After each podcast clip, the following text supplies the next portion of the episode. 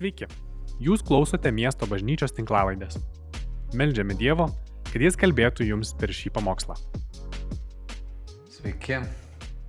Šiandien kalbam toliau apie ryšį ir apie tai, kaip mums yra svarbu, kaip žmonėms jaustis matomiems, mhm, jaustis jaučiamiems ir, ir, ir būti priimtiems. Dievas mūsų sukūrė tokiai vienybei. Kristus atėjo būti tarp mūsų su mumis, kad ir mes žinotumėm, jog esam vienas su tėvu, esam vienas su sunumi, esam vienas su šventąją dvasia. Ir gal dar didesnis stebuklas viena su vienas kitu. Tai yra didelė malonė gyvenime turėti žmonės, kurie yra tarsi tavo namai, kuriuose tu jautiesi apsuptas saugus. Ir praeitoj dalyje aš kalbėjau apie priraišumus, apie tai, kaip mūsų smegenys susiformuoja per pirmuosius 12 mėnesių mūsų santykėje su globėjais, su mama. Ir kaip vėliau labai nestipriai tie smegenys keičiasi, nebent žmogus sąmoningai pradeda apie tai mąstyti ir jis eina į išgyjimą, jis apmąsto, jis išmoksta paleisti savo praeitį ir įgyja daugiau gailestingumo. Ir taip mūsų plastiškos smegenys, neuroplastiškos smegenys gali keistis, atsinaujinti ir tikrai tai, ką mokslas, neuromokslas yra atradęs dabar, šventasis raštas labai aiškiai mokė, kad mes galim transformuotis, patirti tą metamorfozę, atnaujindami savo mąstymą. Atnaujinam mąstymą, netgi mūsų pačios smegenys irgi pasikeičia. Taigi, Aš kalbėjau, kad mes atėję į šį pasaulį galime susiformuoti tokį saugų prieraišumą, kas yra tiesiog tas žinojimas, kad įvykus kažkokiam konfliktui, pavojui mūsų santykiuose, atstatymas yra neišvengiamas ir aš netrukus jį patirsiu. Išgirstai gerai, kad saugumas arba tas saugus, sveikas prieraišumas, kurį mes norėtumėm turėti visi savo gyvenime, yra, kad tu ateini su viltimi, tai tarsi įkūnyta viltis, kad nesvarbu, kas beivyktų santykiuose, tu gali patirti atstatymą, atleidimą, susikalbėjimą, naują viltį, kad viskas bus ok, mes galim judėti prieki ir, ir, ir, ir mūsų protas, mūsų širdis gali būti nurimusi ir jaustis saugiai. Tu gali būti tokioj, na, atsipalaidavime, tokioj pauziai su kitu žmogumi. Tau nereikia savęs išsižadėti, tau nereikia užsidėti kaukės, nereikia apsimesti, nereikia pataikauti. Tu gali būti savimi ir jaustis visiškai saugus. Na, o nesveikas arba nesaugus priraišumas būtų, kaip minėjau, tai toks vengiantis priraišumas, kada žmogaus poreikiai nebuvo atsakomi, jis susiformuoja, na, tokį nepriklausomą gyvenimą, jis supranta, kad, mm, na, jis negaus turbūt iš savo motinos, ko jam reikia, todėl jis išmoksta save nusiraminti. Arba nenuseklus priraišumas, tas ambivalentiškas priraišumas, kada kartais tavo poreikiai atsakomi, kartais ne ir tai sukuria tą nerimo jausmą, eini per gyvenimą, į visus santykius žiūri kaip į tokius nepatikimus, tarsi neviltis jau užprogramuota ir tu galvoji, na, šitie santykiai turbūt bus kaip ir praeiti. Tiesiog taip veikia tavo smegenis, bet tai nereiškia, kad tu negali savo mąstymų perprogramuoti. Na ir dezorganizuotas arba toks sujauktas ar net trauma patyręs priraišumas, kada, na, tas žmogus, kuris turėtų tau suteikti meiliais, tave ir gazdinais, tu patiri smurtą ir, ir žinoma iš to kyla na, įvairiausi elgesio sutrikimai paauglystėje ir panašiai. Ir suaugęs žmogus jis irgi nežino, kaip reaguoti e, į santykius, kaip juos statyti sveikai. Taigi, tai, ką girdėjote seminare antradienį ir galėsit vėl išgirsti šį antradienį klausimų atsakymų formą mūsų Facebook paskyroje, tai mes kalbam ne tiek apie tą nesveiką priraišumą, bet apie ėjimą į saugų arba sveiką priraišumą. Kaip mums stiprinti ryšį.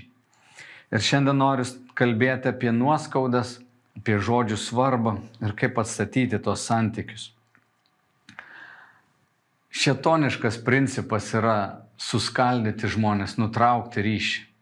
Jis yra piktoji dvasia, kuri, kuri šaudo strėlėmis, iš kurio ateina mintis, bet jis yra tas, kuris pačioj pradžiai nusprendė atskirti žmogų nuo Dievo, e, pasėdamas vieną mintį. Pirmasis sakinys, tokį, kur mes skaitom, ką piktasis pasakė, jis prieina prie Jėvos ir sako jai, ar tikrai Dievas pasakė, nevalgykite nuo visų sodo medžių. Tai čia yra pokalbio pradžia. Kai kalbam apie dvasinę kovą, bažnyčios tėvai jau mokė apie visą tą anatomiją e, gundimų, kad labai svarbu neįsitraukti į pokalbį. Pačioj pradžioje neleisti to mintims įeiti į galvą. Taigi čia yra pokalbio pradžia, e, kai Dievai užduodamas klausimas, ar tikrai Dievas pasakė, galim būtų pasakyti, argi Dievas nemelavo. Na, tai yra nepasitikėjimo sėjimas. Čia jis turėtų, Jėva turėjo pasakyti, pasitrauk nuo mane šetonė, kaip Jėzus pasakė, kaip Petras atėjo su savo pasiūlymų išsaugoti gyvenimą savo. E, čia turėjo baigtis pokalbis, bet jie va tęsė tą pokalbį ir galiausiai dėl to įsitraukimo į tą pokalbį uh, ji pradeda mąstyti, kad na, Dievas kažką slepia, atsiranda įtarumas, pasitikėjimas griūva viduje. Ir galiausiai yra ir veiksmas įgyvendinimas nepaklusnumo. Įtikina ir Adomą ir jie abu nusideda. Mes turime suprasti, kad žmonių priešas yra piktoji dvasia. Apaštalas e, Paulius sako, kad na, mūsų priešas tai nėra žmonės. Sako, mes nekovojam su kūnu ir krauju, bet su kunigaikštystėmis, valdžiamis, šio amžiaus tamsybių valdovais ir e, dvasinėmis blogio jėgomis. Tai ta dvasinė kova jinai vyksta mūsų protiniam lygmenį ir kaip tikinti žmonės mes turime ginklus, kuriuos galim naudoti, kad atpažintume ir pasipriešintumėm tom mintim. Mūsų a, dvasia gali atpažinti, kas vyksta ir mes galime, na, susikauti, neįsivelti. Ir Petras jis mums sako, kad jūs būkite blaivus ir budrus, nes jūsų priešas velnės lankioja aplinkui kaip reumojantis liūtas tykodamas kurį nors praryti. Tai ta intencija, kuri, kurią šetonas turėjo, gundydamas Jėvą, ta intencija yra nepakitusi. Jis yra brolių kaltintojas, jis yra tas, kuris neša susiskaldimą, kurio intencija bus suskaldyti visuomenę, suskaldyti, na, apskritai bet kokius žmonių ryšius. Todėl sakau, geris būtų susivienijusi bendruomenė, suvienita visuomenė, pasitikėjimu, na, grįsti ryšiai, nes mes esame užprogramuoti tikėti tiesą. Mes kaip žmonės negalim ilgai gyventi tokioj įtampoj su įtarumu, įtarinėti savo kaimynus. Tu pabandyk įsivaizduoti, jeigu gyvena žmogus ir įtaria visus aplink save esančius. Jo gyvenimas kaip košmaras. Mūsų smegenys užprogramuotos tikėti žmogumi. Todėl mus taip lengvai apgauna, nes mes esam linkę pasitikėti, nes taip visa visuomenė funkcionuoja. O tie, kurie neša suskaldimą, yra patys apgauti arba na, netgi piktavaliai. Ir mes turim būti budrus, sako, būkite blaivus ir budrus, nes jūsų priešas velnės lankioja aplinkui ir jis gali įkvėpti žmonės, kurie neš susiskaldimą. Ir mums tikrai reikia pasisaugoti. Reikia pasisaugoti, bet negalime būti tie, kurie vaikščiosime nuolatiniam įtarume. Šiek žmogus patyręs kažkokią na, įžeidimą bažnyčioje, tarkim, ateina į kitą bažnyčią, jis atsineša tą praeitį, labai dažnai būna įjungti lokatoriai tokie ir jisai žiūri, kur čia vėl kartosis tas. Panašiai kaip tam ambivalentiškam priraišume, gal jos smegenys net nuo vaikystės jau taip veikia kad žmonėmis iki galo negali pasitikėti. Net taip mes esam sukurti. Mes esam sukurti, kad atėjęs į santyki, tu dovanoji pasitikėjimą. Tu žinai, kad galim saugiai įeiti ir net jeigu įvyks konfliktas, tai ne pasaulio pabaiga. Mes galim atstatyti tą santyki. Ir greičiausiai mums tai pavyks padaryti. Ir jeigu tai, ką aš dabar tau sakau, kad atėjęs į naujas kažkokią aplinką, į naują santyki, tu neturi tokio jausmo, tai gali suprasti, kad tavo smegenys, na, yra uh, susiformavusios kitaip. Ir kad Dievas nori atstatyti tavo mąstymą, atstatyti tavo širdyje ramybę, kad galime eiti santykius, kad Dievas yra tas, į kurį tu žvelgdamas būsi išgydytas galiausiai, jis tave prižiūri ir niekas neatsitiks tavo gyvenime be Dievo žinojimo. Niekas. Net plaukas nuo tavo galvos nenukris be Dievo žinojimo. Jau tame mums yra didelis išgydymas ir mes galim drąsiau įžengti į santykius. Surizikuoti, net jeigu kažkada vaikystėje buvom sužaloti, patys darėm klaidas vis tiek mes turim žengti link to saugumo, kad galiausiai tai taptų mūsų patirtimi. Atstatyti santykius įmanoma ir greičiausiai mums tai pavyks padaryti. Noriu pailustruoti jums, kaip reikia būti blaiviam ir budriam, kad galėtum atpažinti uh, melus. Ir, ir, ir viena tokių istorijų, kuri man na, labai yra įstrigusi, mąstant apie šio laikinės propagandos visokias formas ir kiek yra daug kalbama, aš vis galvoju, na, žmogus, kuris išmokęs kritiškai mąstyti, jo propaganda nepaveiks. Iš tiesų, žmonės, kurie žiūri informaciją ir jos netikrina, jeigu jie yra kažkokie įtari ar ne, na, galiausiai patikės tuom, galiausiai taip patikės stipriai, kad jos išmušt paskui bus neįmanoma. Mūsų smegenys, kaip sakiau, negali nuolat visko tikrinti. Negalim mes gyventi nuolatiniam nepasitikėjime. Ir va čia yra tas sudėtingumas. Visada turim žiūrėti, ar ta informacija, kurią girdim, jinai neša taiką, ramybę ir vienybę, ar jinai neša susiskaldimą, kaltinimus, kažkokį melą, kažkas yra žeminamas. Šituos dalykus galim išmokti atpažinti, būdami, na, dvasioje tokie blaivus ir, ir e, budrus. O istorija yra tokia. Karalius Dovydas turėjo keletą sunų ir dukrų ir jūs galbūt žinot, kad jis vienas iš jo sunų išprievartavo savo seserį ir kitas sunus Apšalomas nužudė Amnoną, savo brolį. Ir tokia buvo situacija, kada Dovydui reikėjo bėgti iš savo miesto. Prie Dovydo stalo sėdėdavo toks Mefibošetas, Johanatano sunus. Dovydas buvo sudaręs sutartį su Johanatanu ir kai, kai, kai Johanatanas žuvo, Dovydas pasikvietė Mefibošetą ir sako, tu būsi prie mano stalo visą gyvenimą, valgysi nuo karaliaus stalo. Mefibošetas buvo be galo dėkingas, jis buvo lošas abiem kojom, jam kaip neįgaliam žmogui vietoj to, kad na, atėjęs kitas režimas išnaikintų prieš tai buvusi režimą Sauliaus uh, visą giminę. Johannatanas Saulis karalius buvo Mefibošeto senelis, Dovydas dėl tos sandoros jis pasikviečia Mefibošetą. Ir štai kai apšalomas sukyla, aš tikiuosi jūs žinot kažkiek tą istoriją, nes aš jos neapibrėžiu. Situacija yra tokia, kad Dovydas bėga nuo savo sunaus apšalomo ir um, kas įvyksta štai kas, paskaitysiu antroji Samuelio knygoje 16 skyriui. Dovydui paėjus kiek toliau nuo kalno viršūnės jį sutiko Mefibošeto tarnas Cibas su pora silų apkrautų dviem šimtais duonos kepalų, šimtų ryšulių džiovintų vynogių, šimtų ryšulių va vasaros vaisių ir rodinę vyno.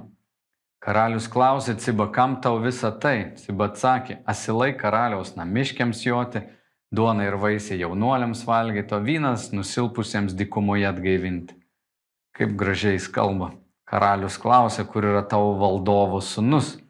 Ciba atsakė karaliui, Jis pasiliko Jeruzalėje sakydama, šiandien Izraelis man sugražins mano tėvo karalystę.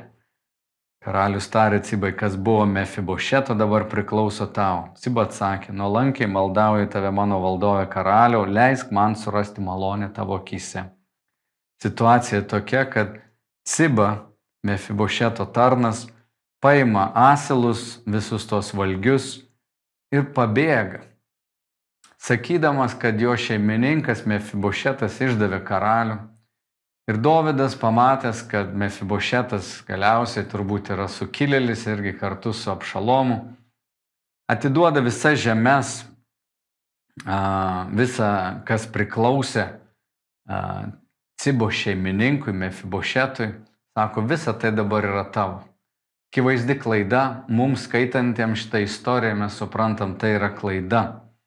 Nors situacija atrodytų va šitoj vietoje, kad Dovydas teisingai elgėsi, Bet praėjus štai keliais skyriais vėliau, skaitome 19 skyriuje, praėjus kažkiek laiko, apšalomas yra nužudomas, mm, sukilimas numalšintas, Dovydas grįžta atgal į Jeruzalę ir mes skaitom, Sauliaus sunus Mefibošetas atvyko karaliaus pasitikti. Jis nebuvo plovęs kojų, kirpęs barzdos ir plovęs drabužių nuo tos dienos, kai karalius išėjo, iki jis sugrįžo. Jam atvykus iš Jeruzalės karaliaus pasitikti, karalius klausė, Mefibošetai, kodėl neėjai su manimi? Mefibošetas atsakė, mano valdovė karaliau, mano tarnas apgavo mane. Tavo tarnas buvo jam įsakęs pabalnoti asilą, kad raitas galėčiau vykti su karaliumi, nes aš esu luošas. O jis apšmeižė mane tau. Tačiau karalius, kaip Dievo angelas, taigi daryk, kas tau patinka. Visi mano tėvo namai buvo tarsi mirę žmonės mano valdovo karaliaus akise, o tu pasodinai savo tarną valgyti prie savo stalo.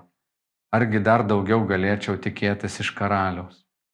Karalius jam atsakė, kam tu visą tai kalbi? Aš pasakiau, kad tu ir Ciba pasidalintumėte žemę. Mefibošetas atsakė karaliui, tegul Ciba ima viską. Man gana to, kad mano karalius sveikas sugrįžo į savo namus. Taigi šitą istoriją iš tiesų Mefibošetas nebuvo išdavęs karaliaus. Jis, kaip mes skaitėm, nei plovė kojų, nei kirpo barzdos, nei plovės drabužių, tuo įrodydamas, kad jis yra su karaliumi gedi. Ciba apgavo Dovydą ir Dovydas pagyveno su tuo melu kažkurį laiką. Tas melas taip įsėdo į jo galvą, kad kai jis pamatė Mefibošetą pasitinkantį jį, nesipraususi tokį purviną, turbūt smirdinti, jis matė prieš. Mefibošetas pateikė jam kitą informaciją ir sako, karaliau, būk palaimintas, pasako gražiausius žodžius. Ir čia Dovydas padaro didžiulę klaidą vietoj to, kad nužudytų arba atkeršytų kažkaip cibai ir atimtų viską.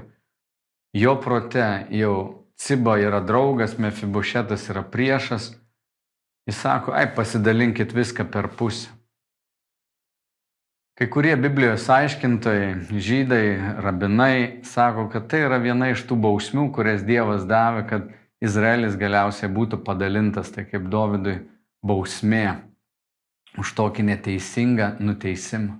Bet negalim neįvertinti to poveikio, kas įvyko Dovido galvoje kad priemęs kažkokį melą, netiesą apie kitą žmogų, jis jau nebeturėjo tokios nuovokos, jis nebegalėjo grįžti su švaria galva, susidūrė su nauja informacija, jis nebegalėjo jos priimti. Viskas. Jis sako, ai, nežinau kaip nuspręsti, gal ciba ima pusę, tu imk pusę. Dovydas, kuris buvo toks, na, geras diplomatas, išmintingas karvedys, labai geras karalius šitoj vietoj jau buvo paveiktas to melo. Ir kaip Jėva buvo sugundyta, jos paveikslas pasikeitė. Dovydas buvo irgi apgautas ir jo paveikslas apie Mefibošetą pasikeitė. Mes matom tų žodžių galę. Mes matom, kaip veikia melas, kad po to žmogui sunku kažką kitaip pagalvoti. Štai kodėl mes taip turime saugotis apkalbų. Kažkas gali pasakyti, ei, su šituo žmogum atsargiai. Tau daugiau nieko nereikia sakyti, bet kitą kartą, kai tu sutiksi tą žmogų, galbūt pirmą kartą, tu jau būsi įtarus. Tu jau žvelgsi jį kitaip.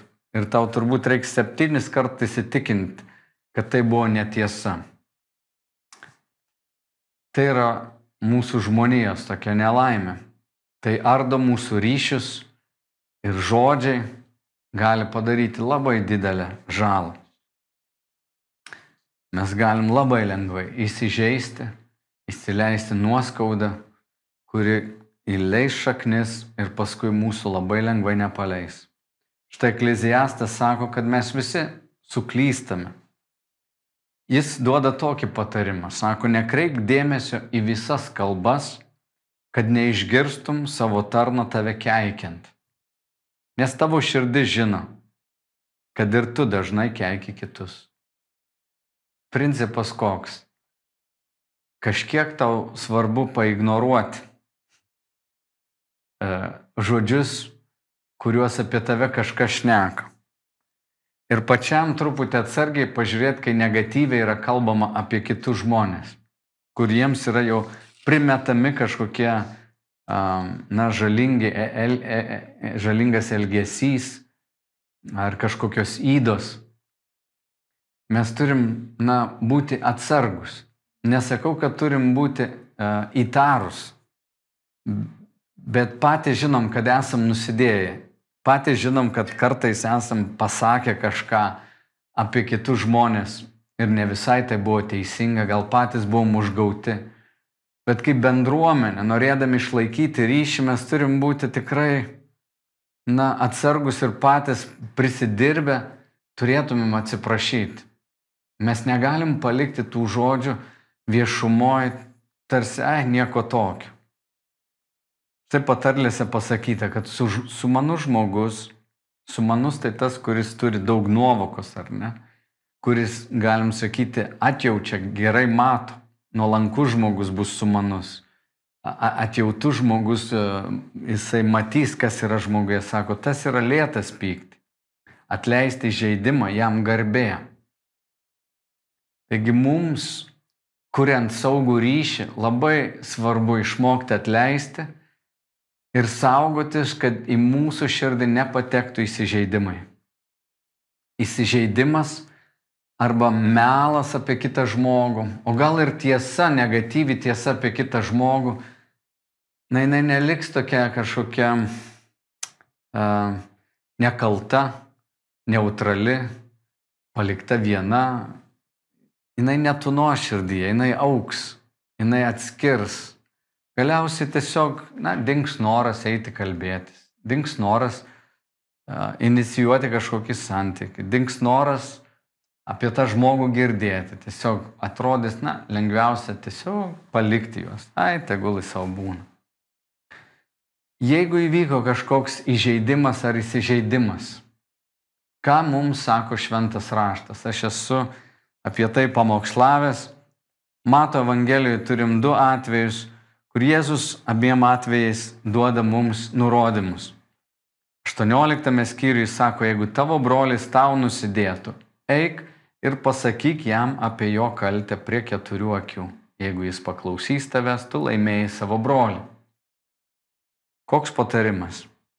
Jeigu kažkas tave įžeidė, užgavo, Tau buvo nemalonu. Santykis jau tik, kad nebe tas. Ir tau širdys skauda, galbūt sužadino tavyje tai, ką tu patyrėjai vaikystėje, galbūt tu net nesuvoki sąmoningai, bet vieną gali matyti, kad tu nebenori bendrauti. Arba tu pyksti, arba tau tiesiog negera apie tą žmogų galvoti. Jėzus sako, jeigu kažkas tave įžeidė, sužeidė, eik ir kalbėk eik ir pasakyk jam apie jo kaltę, nes tas žmogus gali būti, kad net nežino, jog tave įžeidė, jog tave nuliūdino, buvo nejautrus tau, bet nepalik to kaip sėklytės, kuri įkrisnai, paskui prasiverš pro visus šonus tau, sulaužęs kaip gėlė asfaltą, žinai. Uh, tu jos nebe, nepaslėpsi. Jėzus labai rimtai apie tai kalba. Jis vėliau sako, kad jeigu tas brolis nepaklausytų, tai trauk net kitus, nusukurk netgi socialinį spaudimą, tokį spaudimą, kad galiausiai jį net iš bendruomenės pašalintum. Sako, daryk spaudimą, nes tai yra labai svarbu. Kitas atvejis, jeigu tu kažką įžeidai ir nežinai, koks čia iš tikrųjų santykis yra, bet jeigu esi kažką įžeidęs, tau širdyje dar sąžinė gyva, jinai sako, klausyk, man atrodo, kažkas čia ne taip. Jėzus kalno pamokslė, mato penktam skyriui, sako, todėl, jei neši dovana prie aukuro ir ten prisimeni, jog tavo brolis turi šitą prieš tave. Jei brolis turi šitą prieš tave, tu turi jam kažkokią skolą. Tai palik savo dovaną ten prie aukuro, eik pirmiau susitaikyti su savo broliu ir tik tada sugrįžęs aukok savo dovaną. Vėlgi, jeigu tu žinai ir turi kažką prieš, žinai, kad prieš tave kažką turi, na, šitą, ar daug ar mažai, irgi eik. Ir vienu atveju, ir kitu atveju eik taikytis. Tėve mūsų maldoje mes melžiam Dievę atleisk mums, kaip ir mes atleidžiam savo kaltininkams. Kitoje vietoje Jėzus sako, jeigu jūs netleisit savo kaltininkams iš širdies, ne jūsų dangiškas tėvas netleis jums jūsų nuodėm. Koks rimtas, rimtas, rimtas dalykas yra netleidimas arba įsižeidimai, kuriems reikalingas atleidimas, sutaikymas, išsikalbėjimas. Kaip tai yra svarbu. Dievo sūnus atėjo, kad sutaikytų pasaulį su Dievu. Jėzus atėjo sutaikyti, Jėzus atėjo atstatyti. Papiktinimai neišvengiami, įsižeidimai neišvengiami. Na, nėra žmogaus, kuris nesuklystų. Nepaverskim jų tokiais, na, kad čia pasaulio pabaiga. Pasaulio pabaiga mums arba tokia žala mums yra, kada mes ignoruojam, kai tai įvyksta. Mes galim mokytis atstatyti tą santykį. Kaip tai daryti? Paskaitysiu vieną citatą iš vienos sesės Kiaros Liubik. Jis sakė, kad mylėtume krikščioniškai, reikia tapti vieną su kiekvienu broliu, kiek įmanoma giliau pažinti kito sielą, iš ties suprasti jo problemas ir poreikius, tam tikrą prasme tapti juo, tapti kitu. Tai yra krikščionybė. Jėzus tapo žmogumi, tapo mumis, kad mus sudėvintų. Tokiu būdu kiekvienas artimas jaučiasi suprastas ir pakilėtas. Į kalbą apie tą vienybę, apie sveiką santyki. Tam, kad galėtume mylėti, mes turime tapti vieną su kitu. Praeitą sekmadienį apie tai kalbėjau, tai Jėzaus maldai, kad jis meldžiasi tėvį, kad jie taptų vieną kaip ir mes kad jie pažintų, jog tu juos myli taip, kaip mane pamilai. Tokia yra krikščionybė. Paštalas Paulius romiečiams laiškė sako, džiaukitės su besidžiaugiančiais, verkite su verkiančiais. Nesako, džiaukitės su besidžiaugiančiais ir patarinėkite verkiantiems. Matot, jis kalba apie tai, kad turim džiaugtis su besidžiaugiančiais ir verkti su verkiančiais kalba apie tą susiderinimą. Ir iš tiesų, jeigu mes norim įeiti, net norim na, atstatyti santyki, mums labai svarbu susiderinti. Uh, skaičiau knygą, berot citavau iš jos truputėlį, um, ne, nepraraskime savo vaikų. Um, dviejų daktarų knygą, Newfeldo ir Gaboro um, parašyta Gabor matė. Tai jie kalba apie tą susiderinimo svarbą. Žinai, kai konfliktai įvyksta, mums svarbu mokėti tam tikrų tokių galbūt net technikų ar ne būdų, kaip mums nuraminti viens kitą. Ir aš kalbėjau apie tą susiderinimą, tą buvimą tam vienam vaibę. Uh, tai yra toks truputį kontraintuityvus veiksmas. Kas, kas įvyksta įprastai mūsų fiziologijoje, mūsų kūne? Na, paimkim tokį pavyzdį. Vaikas pusę valandos piešia kažką, labai stengiasi. galiausiai sugadina savo tą paveiksliuką ir pradeda rėkti, paima flamasterius, meta juos į grindis, mama prieina, ką tu čia darai? Negalima mėtyti flamasterių, o vaikas visas, aš čia piešiau, aš čia stengiausi ir nieko man neišėjo. Tėvų reakcija prastai kokia būna. Negalim čia mėtyti, tu nesubaig triukšmauti, tam broliukas miega ar dar ką nors. Kiekvienas iš savo pozicijos ateina ir sprendžia šitą problemą. Kas vyksta mumise, na, adrenalino lygis, kortizolio lygis kyla, tai yra hormonai, kurie, na, yra atsakingi už mūsų tokį budrumą, kad mes apsisaugotumėm, jaučiam pavojų.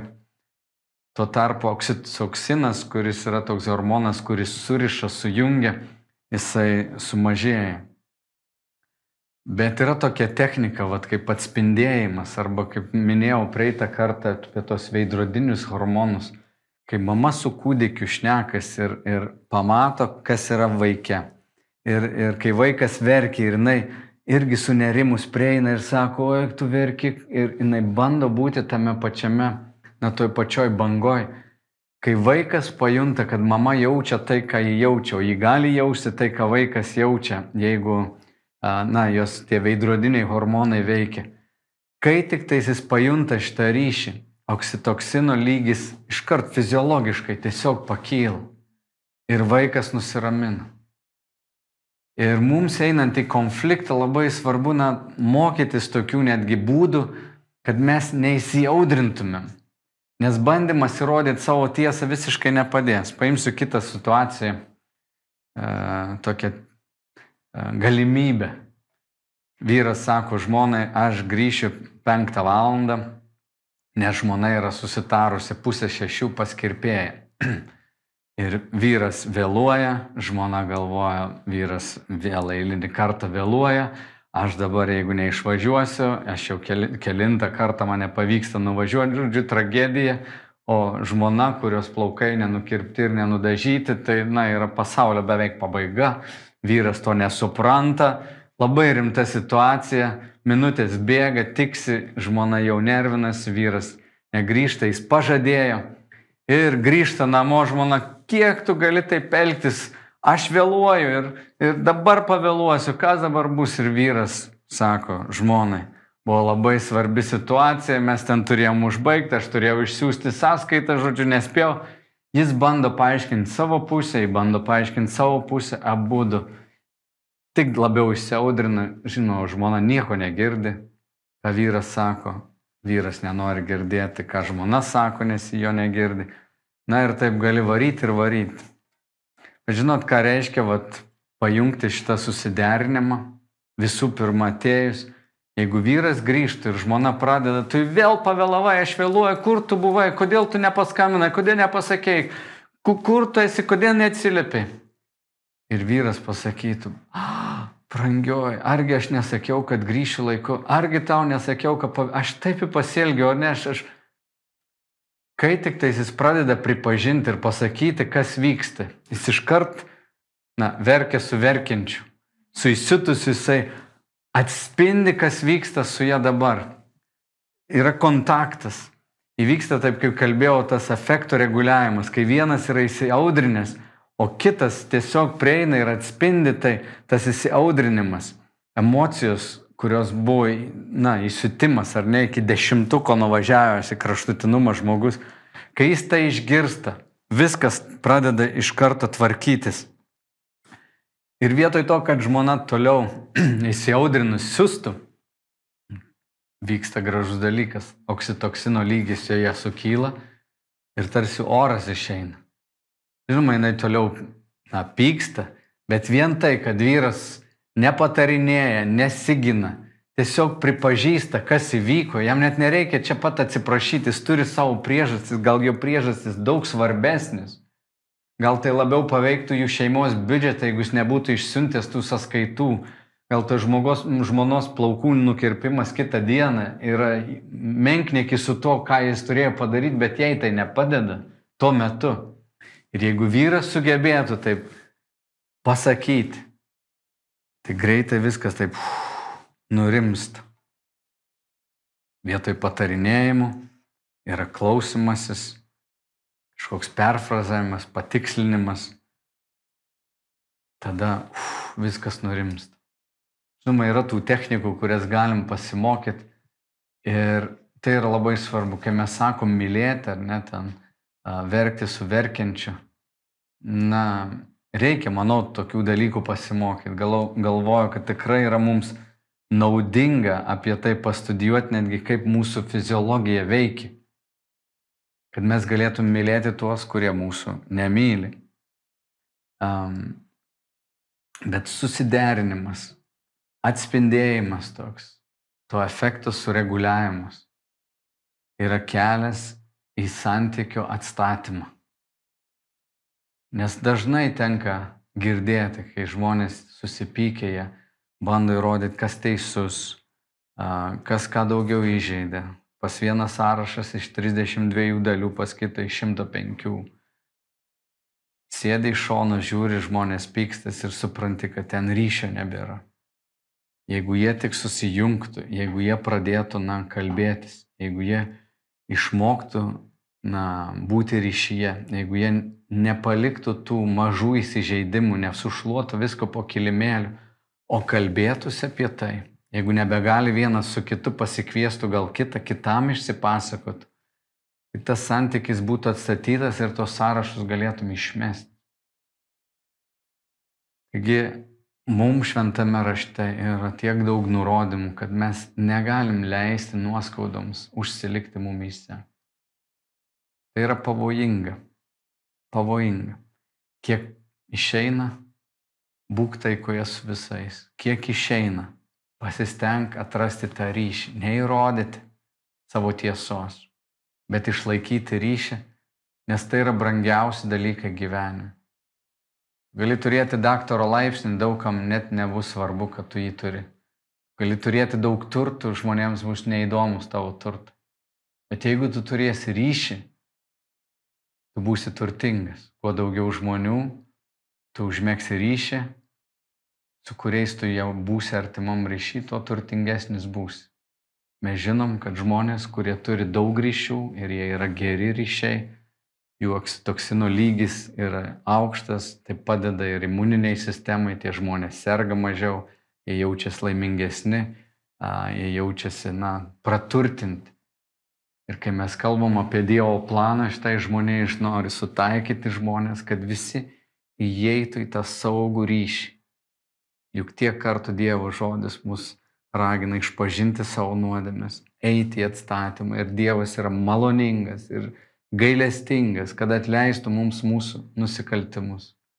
Kokią nuostabę dovaną mes turim, kad mūsų santykiai su viešpačiu mes galim jausis absoliučiai saugus ir žinot, kad visas nuodėmės jis pasiruošęs atleisti, kai mes atgailausim. Meldžiu viešpatį Dievą, te ateina ta tikrovė ir mūsų visų santykius. Palaimink mūsų bendruomenę, palaimink viešpatį kad mes būtume tampriame ryšyje, kad kiekvienas, kuris yra bažnyčioje, turėtų bent keletą žmonių, su kuriais gali būti visiškai atviras, kuriems gali išpažinti nuodėmes, gali patirti tavo malonę, sutaikymą ir buvimą namuose, būti jaučiamu, matomu ir priimtu. Tėve, pašventink mus ir meldžiu, kad tie įsiskaudinimai būtų atnešti prie tavo kojų ir kad bendruomenė mes vienas su kitu kalbėtumėmės, atstatytumėm santyki, kad mūsų iš praeities atsineštas priraišumas netaptų stabdžiais, patapti naujais žmonėmis, kurie pasiruošia gyventi taikoje ir meiliai. Tėve, meldžiam to per mūsų viešpatį Jėzų Kristų. Ačiū, kad klausėte. Daugiau informacijos rasite mūsų svetainėje miestobažnyčia.lt arba Facebook, Instagram ir YouTube paskiruose.